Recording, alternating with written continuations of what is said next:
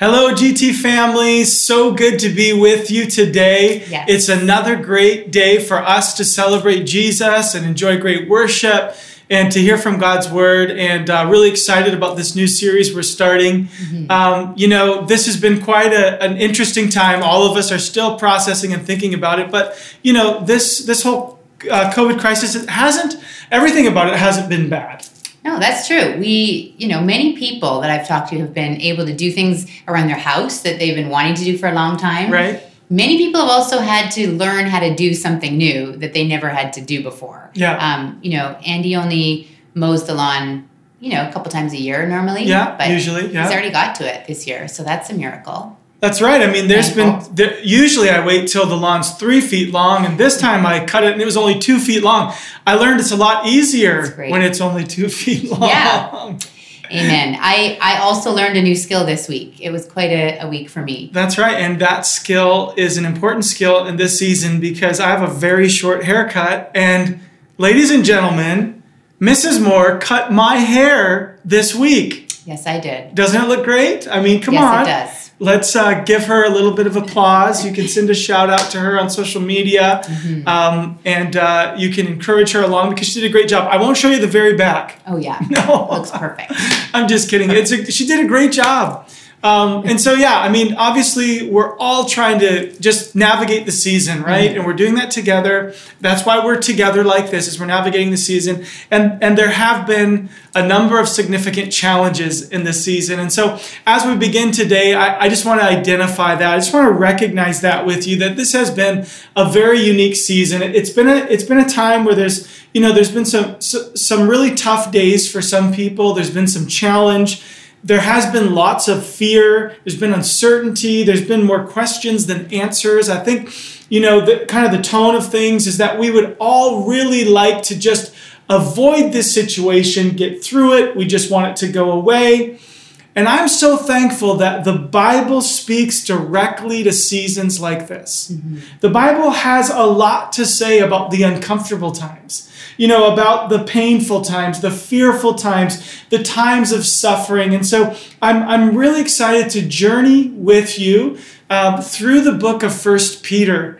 And um, the major theme of First Peter is hope in the midst of suffering. That's the major theme of it. And it's such a helpful topic, I think, right now in this season. And, and, and we all have a natural response. You have a natural spa- response, and, and so do I. And that natural response is we want to avoid the difficult, we want to avoid suffering. But you know what? With COVID 19, all of us have discovered that you simply can't do that. Mm-hmm. That sometimes suffering comes to you, trial, challenge, finds you. You cannot hide from it. And and you know what? Times like these challenge our foundations. We start to ask questions.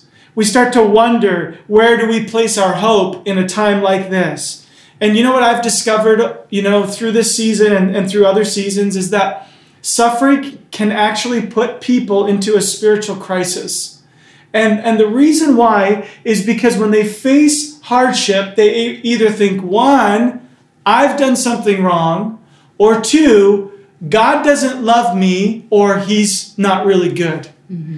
You know, sometimes we look at suffering and we think that that's the reality is that I've either done something wrong or God's not who he says he is. He doesn't love me and he's not good. And in this series, we're going to challenge both of those ideas. The idea that, that your suffering is, is based on the fact that God no longer loves you or that you've done something wrong. And we're going to talk about the reality of a different viewpoint on suffering and how important that is for us. And I want to tell you, I'm actually so excited about the lesson that we're all learning together about how to draw into Jesus, how to lean on Jesus, and how to discover that Jesus has things to say to us during this season that he can't say to us otherwise because we don't have the ears to hear it. Right. And so this is such a specific time for us. And I'm so excited about this series. The title of it is Made for This.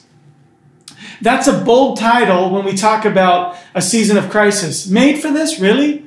But truthfully, let me tell you that in the DNA of a Christian is the ability to walk through suffering and to walk through it and thrive, not only survive. Mm-hmm. You see, built into you as a Christ follower is that you are one who follows Jesus, who was known as the suffering servant. He suffered and he died for us. He showed us that through suffering, much can be gained. And as a result, we have the power, we, we have the mind, we have the position, and, and we, we have the perspective of Christ that allows us to thrive in times of suffering. And for you as a Christian, suffering provides this beautiful opportunity that otherwise lies dormant in times of ease. This crisis actually produces an opportunity for you to access faith in a way that you won't be able to access without trial, without suffering, without challenge. And so, for God's work in your life, I am so grateful. You see, as Peter was writing this book, First Peter, he was writing a letter to suffering Christians that were scattered throughout what is known as modern day Turkey. It was Asia Minor at the time. And when he begins the letter, he reminds them of what God has placed in them and what God has secured for them because of Jesus. And, and in verse 2, which you would have seen at the very beginning, it was the animated verse at the very beginning of the message time, you would have, you would have remembered that Peter said, You have been chosen, and that you know you've been made holy, and that you are cleansed by the blood of Jesus. Th- these are the things that he wants to remind them of as they begin to understand how their suffering works with their faith. Let me remind you, you're chosen. Let me remind you, you've been made holy. Let me remind you, you've been cleansed by the blood of Jesus. And then the next section in your Bible, verses 3 through 5 are so beautiful, so key in, in, in setting the stage that Peter wanted to set. And so I want to read it with you. In fact, in my Bible, the title of this next section is called The Hope of Eternal Life the hope of eternal life. You see, there's hope in the middle of these times of suffering. And, and here's the way Peter says it in verse 3 of chapter 1 of 1 Peter. All praise to God the Father of our Lord Jesus Christ. It is by his great mercy that we have been born again. I love that language, born again language. The reason why is because Jesus taught Peter this language when, when when uh, Nicodemus came to Jesus by night in John chapter 3, this religious leader, and said, I don't understand. I, I get that there's something special about you, but I don't understand your teachings. Jesus taught him about being born again. He said it's not about being born physically, but about being born spiritually. And so that's what Peter is referencing here. You've been born spiritually. He's encouraging them, he's lifting them up as they walk through times of suffering. Remember, you've been born again because God raised Jesus Christ from the dead. And then on into another statement that he makes as we transition from verse 3 into verse 4. It says, Now we live with great expectation you know, I need to reference the NIV version. I'm reading from the New Living Translation today, but in the NIV version of this particular verse, verse it says that you have been given new birth into a living hope. Now, that's so powerful. Luke just sang about living hope. That's a powerful truth that we believe. And I want to tell you why it's so powerful. Because living hope is alive. Yes. And, and, why does that matter? Because your problems, your challenges, your suffering, they have a shelf life and they also move. You know, what we're suffering with today, we may not be suffering with tomorrow. So if suffering is a moving target, if challenge is a moving target, to have a static hope won't meet that challenge. Right. But let me tell you, you have a living hope yes. in a living God, in Jesus Christ who is alive from the dead. And so what happens is as your circumstances change, your hope, that living hope, is there to meet those circumstances, so those good. times of challenge, those times of suffering. And so your hope is alive, it's moving, it's active to meet every challenge because you have a living hope the way that it says it here in the New Living Translation, now we live with great expectation. God is up to something. Yes. He's doing something, and we're not going to miss it. We're going to trust Him in it. Peter is just elevating their faith as, as he begins to talk with them about their sufferings. And so, verse 4, he continues, and he adds to it. Not just all of that, not just new birth, not just living hope, not just all of this, but also you have a priceless inheritance, an inheritance that is kept in heaven for you pure and undefiled, beyond the reach of change and decay. Isn't that so good? Nothing can touch it, nothing can grab it. It's not going to rust, it's not going to fall apart. There is no way for that to change, even though your circumstances might, even though you might be good today and not good tomorrow. It doesn't matter. This is secure for you in a place that doesn't change or decay. Isn't that such a good word? Yes, so good. And then he continues on. Verse 5, he says it again. And he's bringing us another thing. And through your faith, God is protecting you by his power until you receive this salvation, which is ready to be revealed on the last day for all to see. What's, what's Peter saying here? He's saying, listen, in the middle of your suffering, if you will hang on to your faith, your faith in Jesus Christ, will protect you in the middle of that suffering. Now, does that mean that I won't be affected by the suffering? No, no, no. That's not what it means here. It means that you won't lose sight of what really matters. And mm-hmm. that's all that Jesus Christ has done for you. Mm-hmm. You won't lose sight of the fact that even though there's circumstances that aren't good, God still is. You're going to be protected from those thoughts that would lead you astray in this time of crisis because you're rooted in your faith in Jesus Christ. And that actually creates a protection for you in this season of uncertainty. Isn't So that a good word? So good. Isn't that encouraging? You see, this is Peter's attempt to help you see that you can have unshakable hope in the midst of your trials. And more than that, that none of this hope can be taken away from you. None of it can be taken, regardless of what happens in your life.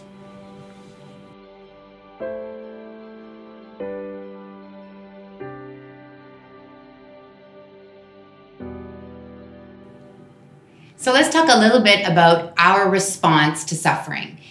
You know, we know that suffering is inevitable. Mm. That's pretty obvious. It's pretty clear in this time. We're not looking for pain. We're not looking for suffering in our lives, but it finds us. If mm. we've lived very long at all, we know that that's just part of life.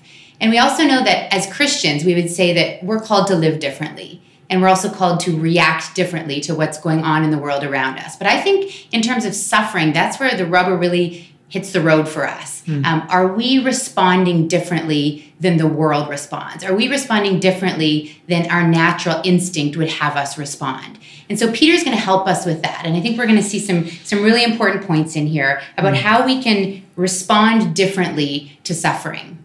And so the first thing that I see in the very first part of verse 6 that we just saw is that Peter calls us to embrace suffering. Hmm, yeah. That's a really strange concept that's not natural for us. But he starts with these three words. They're actually quite shocking. Be truly glad. Yes. That's not my normal response to suffering. Right. Um, I, I don't know about all of you. I know about you. I know your normal response. It's not to be truly glad. Right. That's not natural for us. And so Peter's calling us to something supernatural. Mm-hmm. He's saying, be truly glad. Don't just grit your teeth and endure what comes. makes me think of labor. Sorry for the men, but you know, you sort of just grit your teeth and bear it. That's Mm-hmm. not what we're talking about. We're actually talking about something much beyond that. It's about Mm. embracing suffering with a joy that is supernatural, Mm. that's not natural for us. And so, this is Peter's very first instruction not just to endure, but to embrace suffering with great joy.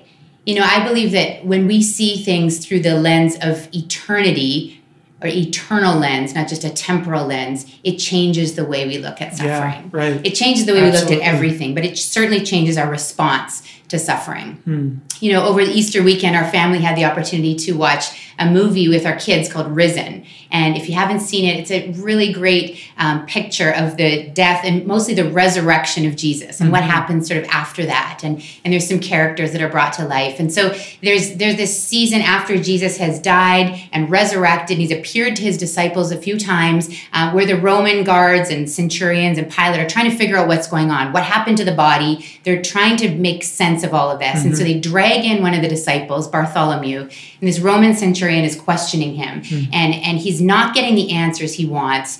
Um, Bartholomew is just sort of filled with this joy and peace. And finally, the centurion says to him, you know, threatens him with his own death, with his own crucifixion. What if I execute you? And there's this incredible moment in the movie that they're able to capture this spirit of joy mm-hmm. and peace that settles over Bartholomew, and you can see it physically. Right. And he opens up his arms and he just says, Strike. Yeah. Then strike. Go ahead and kill me because the joy that I have, the peace mm. that I've received mm-hmm. through the resurrection of Jesus wow. cannot be taken away from so me. Good. Even death couldn't take it away from me. And it was mm. just such a beautiful picture mm-hmm. of this this shocking joy this supernatural joy. He understood something. The disciples understood it then. I hope that we understand it now that there's something available to us that's supernatural in the midst of the suffering and it's to embrace suffering with great joy. Mm. so good. and so peter is teaching us that here. And and i think the second thing we see is that he's asking us to persevere in suffering you know, he goes on to say, there's wonderful joy ahead, even though you have to endure many trials for a little while. There's wonderful joy ahead. There's something worth persevering Amen. and enduring through because there's something beyond what you can see right now. He's he says keep walking, keep persevering, keep enduring. This is not the end of the story. So good. You know, the word persevere means to maintain a purpose in spite of difficulty, obstacle, or discouragement. And I think the key for us is to understand that there's always a purpose in our pain. There's always something more than what we see. We trust that God is the author of it all and that there's a purpose yes. in it that maybe we won't even see on this side of eternity, but mm. there is an eternal purpose. Mm. Many of you are familiar with a, a very famous verse, Romans 8, verse 28. It says, And we know that God causes everything to work together for the good of those who love God and are called according to his purpose for them. Hmm. So we believe as Christians that God is in control and that he has a plan even when we don't see it, yes. and we trust him in that. In this perspective, it allows us to persevere in suffering. Hmm. It allows us to keep going because we see that there's something beyond this.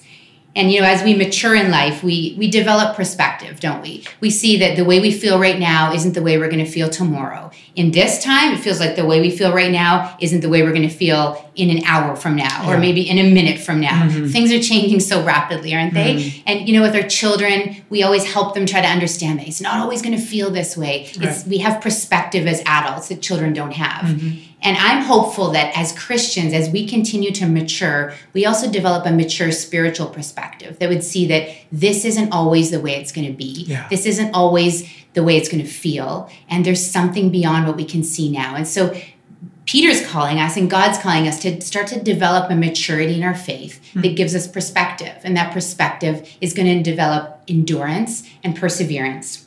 There's more than we can see right now. The Bible talks to us over and over about developing this perseverance and this maturity in our faith.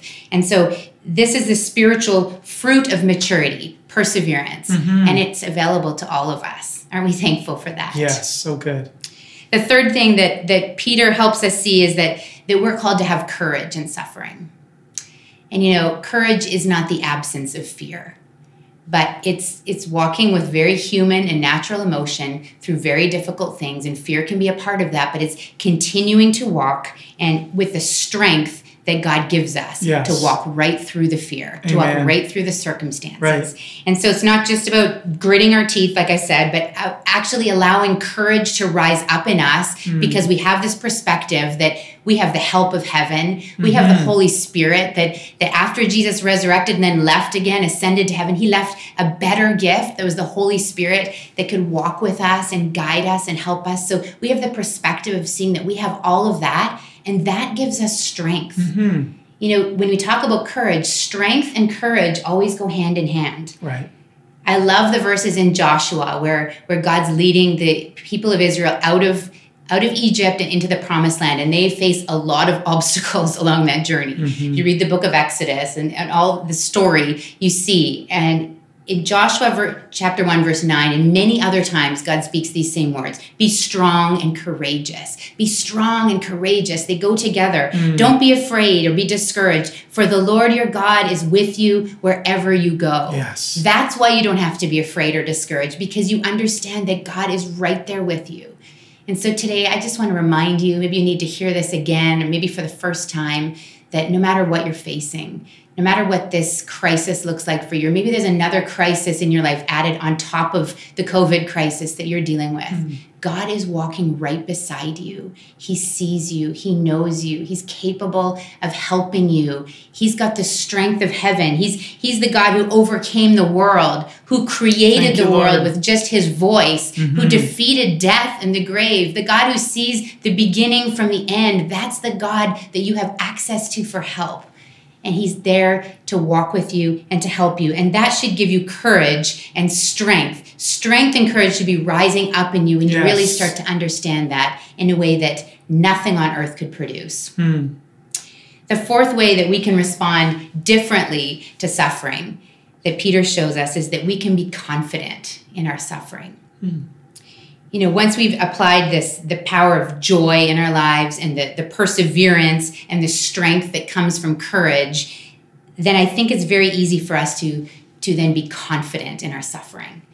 You know, confidence is based on the person of Jesus, not on the circumstances that we're facing. Mm. And so I would just ask you right now, even as you think about your own life, about your own circumstances, um, what are you focusing on? Mm. What are you looking at? Who are you looking at in this season? You know, I, I heard a great explanation this week of suffering. Um, a, a parent explaining it to their child about what suffering looks like. And she was talking about um, a story that we read, or even more so, a movie. A movie is a story as well, right? And so, as we watch a movie or read a good story, we know that there's all these different these twists and turns and plots uh, as the plot moves along and there's different sections and seasons of the story and and so there's always going to be a season of tension mm-hmm. it's always going to be a season where um, something starts to unravel and it feels like this is going very badly and i can't imagine how it's going to resolve itself there's always a problem in any good story any good movie and you know when we get to that part of the story or the movie we don't think well, obviously, this author does not know how to write a story. Hmm. I do not trust this author. They're a horrible author. Hmm. We don't think that because we understand that this is part of part of the whole process yeah, and there is going so to be good. a tension that's going to be resolved. Hmm. It doesn't mean that you don't trust the author or that they are a bad author or they don't know how to write a story. Right. And isn't the same true in our lives? When we get to a season of suffering, it, it doesn't mean that we go from point A of suffering to point B that that God's a bad God mm-hmm. and that he doesn't know how to author our lives um, we still trust that there's something beyond this. There's yes. going to be another season. We have confident hope and expectation Amen. that this is not all we see. Hmm. Even in suffering, God is still good and He knows how to author our lives. We can be confident that this is not the end of the story. And, and as Andy referenced earlier, we are confident that there is something being produced in us through this that could not be produced any other way. And so we can be thankful for that. We can yes. have joy. We can persevere. We can keep going. We can trust there's a bigger story here, and we can be confident in hope and expectation. I'd love to just wrap this all up with a couple of great verses from Romans that Paul writes in Romans chapter 5. And he says this in verse 3 to 5. He says, We can rejoice too when we run into problems and trials, for we know that they help us develop endurance. And endurance develops character, strength of character, and character strengthens our confident hope of salvation. And this hope will not lead to disappointment. Do you see in this the layers that, that Paul is describing? That one thing leads to another and it just keeps building on itself. And I think that's possible for us today. Yes. That's possible Amen. for us in this situation. That as mm. we mature, as our faith strengthens and deepens, we can continue building these layers into our lives and we're just going to get stronger and more hopeful and more confident that God has us and that we're going to make it through this time.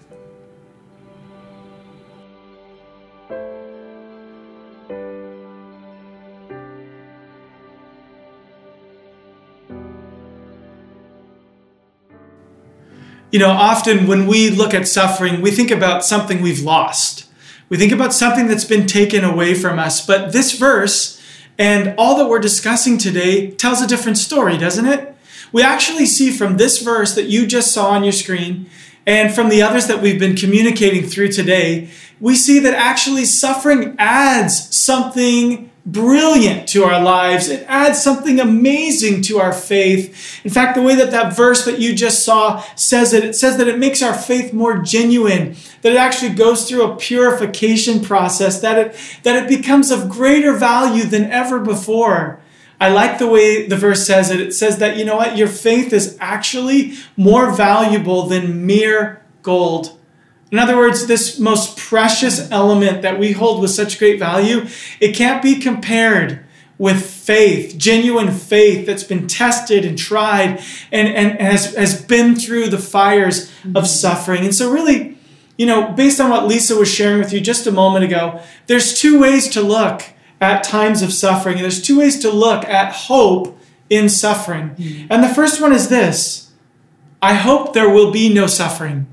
And you know what? Honestly, that's how the majority of us live our lives. I hope that there will be no suffering.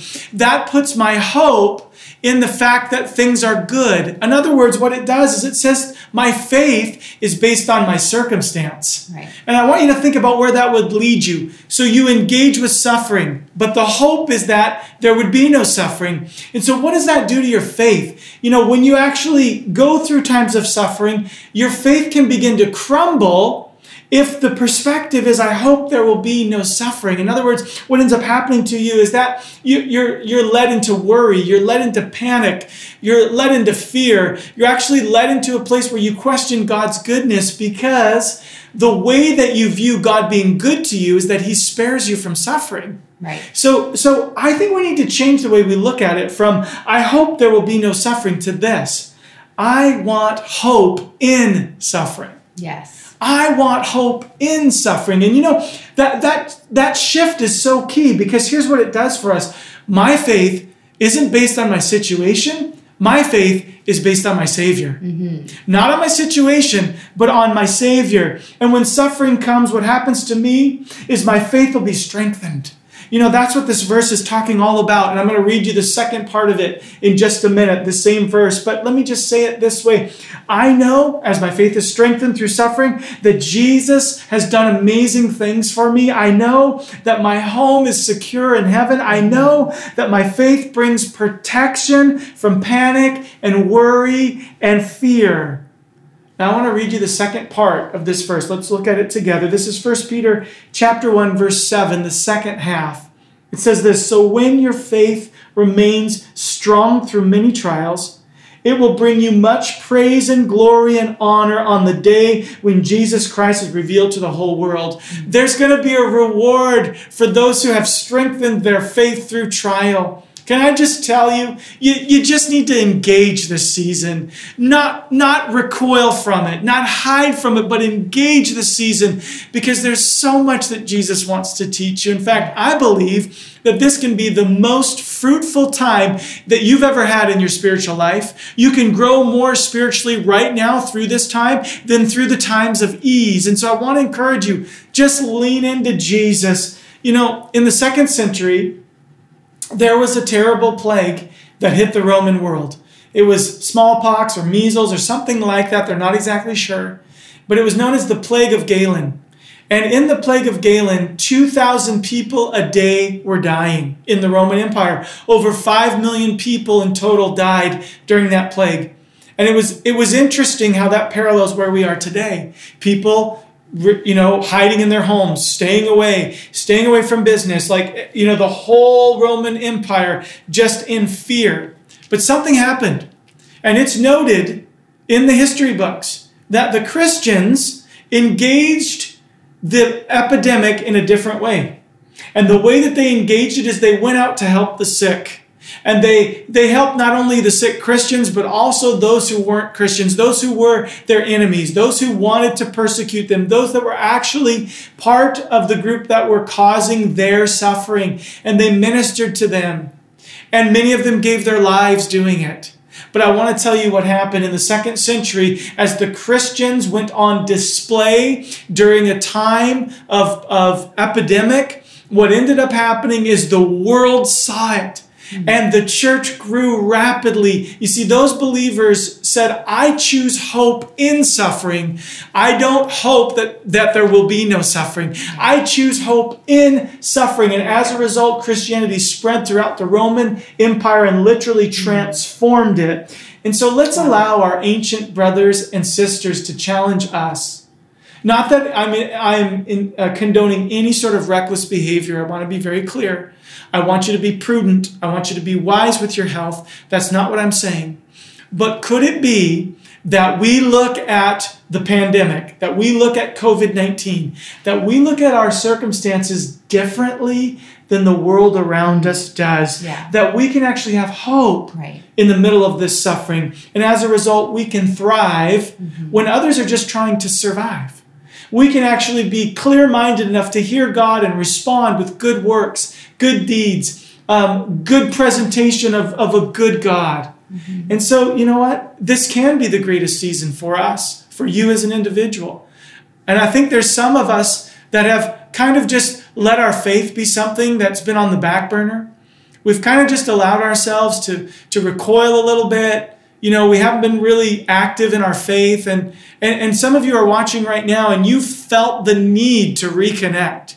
You've actually felt the need to lean in. And I want to say, welcome back. Mm-hmm. Welcome back because, because because this crisis has caused you to rethink about what's really important and what you need what you need right now is you need real faith in a real God. And you're hearing me in you're hearing this message today from from me and Lisa. And what you're hearing is that you need to make something. I want to say welcome back. I want to say lean into Jesus. Yeah.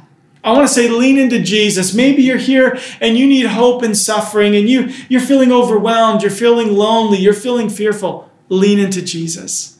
Jesus has a way forward for us. You know, maybe you're listening today and you're able to say that you can see that your faith has been based on circumstances, based on your situation, and not based on your Savior. What I mean is that you've been able to feel that your faith isn't deep enough in this particular crisis. And you're saying, I just want a faith that meets the challenge. Can I encourage you? Lean into Jesus. Lean into Jesus because Jesus has the way forward for you. Just say it to him. Jesus, I'm committing myself to you. I'm, I'm recommitting my life to you. I'm recommitting my focus to you. Lord, I've been consumed by fears. I've been, I've been lazy with my faith. It hasn't been important to me. And I just want to say I'm sorry for that. And I want to draw back into you. You can pray a prayer like that. And what that prayer is doing is just helping you lean into Jesus.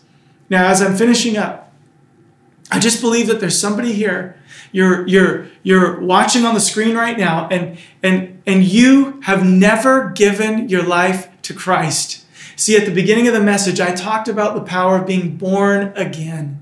You see, we're talking about spiritual birth, not just physical birth, not just a good idea, not just a thought that warms the heart, but actually saying, Jesus, I want to be born again. I want to have a brand new life, a life that transcends this life and leads me into eternity, that secures heaven for me, that, that priceless inheritance that we were talking about. You see, all of that belongs to you when you give your life to Jesus Christ. And so I want to encourage you today. This is not a complicated process. In fact, it's so very easy. Jesus did all the work. What I want you to do is just know that you can reach out to Him. You can say, Jesus, I need you. Come into my life. Forgive me of my sin. Remove the past. Give me a bright future with you. I need you. I want to be born again, spiritually born, not just physically born. And so, if that's you today and you're making that decision, you're saying, Yes, Andy, that's exactly what I need, that's exactly what I want, then there's a number that's coming up on the screen right below me here. And this number is the number that you can text to. So, if you're on your phone, screen capture the screen right now, and you can do it afterwards. If you're watching on your computer, would you take up your phone right now and put that number in as a text message and simply text the word life to that number? That's your way of saying, I'm serious about this. I want new life in Jesus Christ. I need hope that is bigger than my challenge. And I need to know that that hope is alive, like Jesus is alive. I need to be born again. Text life to that number. And I want to thank you so much for your decisions today. As we're going we're really believing that God is speaking to you through this new series. I have felt really compelled that this is where we need to be as a church. I really believe that what God is doing is He's reframing our thinking about how pivotal and central our faith is to us. This crisis is producing that opportunity. So pray with me Pray with me that the eyes of our understanding will be open. Let's pray. Father, I thank you for every person listening in, every person watching on a screen right now. I just pray in the name of Jesus that you, Lord, would reach through the screen and touch lives. Yes. We thank you, Lord, that you hear us as we pray. And I'm agreeing with the one watching, I'm agreeing with the many watching today. And I'm asking in Jesus' name that you would minister strength, you would minister peace, you would minister encouragement. Lord, you would eradicate fear. Yes. You would you would keep us from being overwhelmed. And Jesus, we agree together. Lisa and I pray together, yes. Lord, for those watching right now. And we ask in the mighty name of Jesus that you would minister to every heart mm-hmm. the hope that is alive in Jesus, yes, that is right. full of great expectation, the hope of the resurrected Jesus mm-hmm. Christ. Mm-hmm. And Lord, as we walk through times of trial and difficulty, we do it knowing simply that you are a good God yes. that you love us, and that we will believe, oh God, that there is purpose even in the problem, yes. even in the pain, even in the predicament. There is purpose. Yes. And we thank you for that in Jesus' mighty name. Amen. Amen. Amen.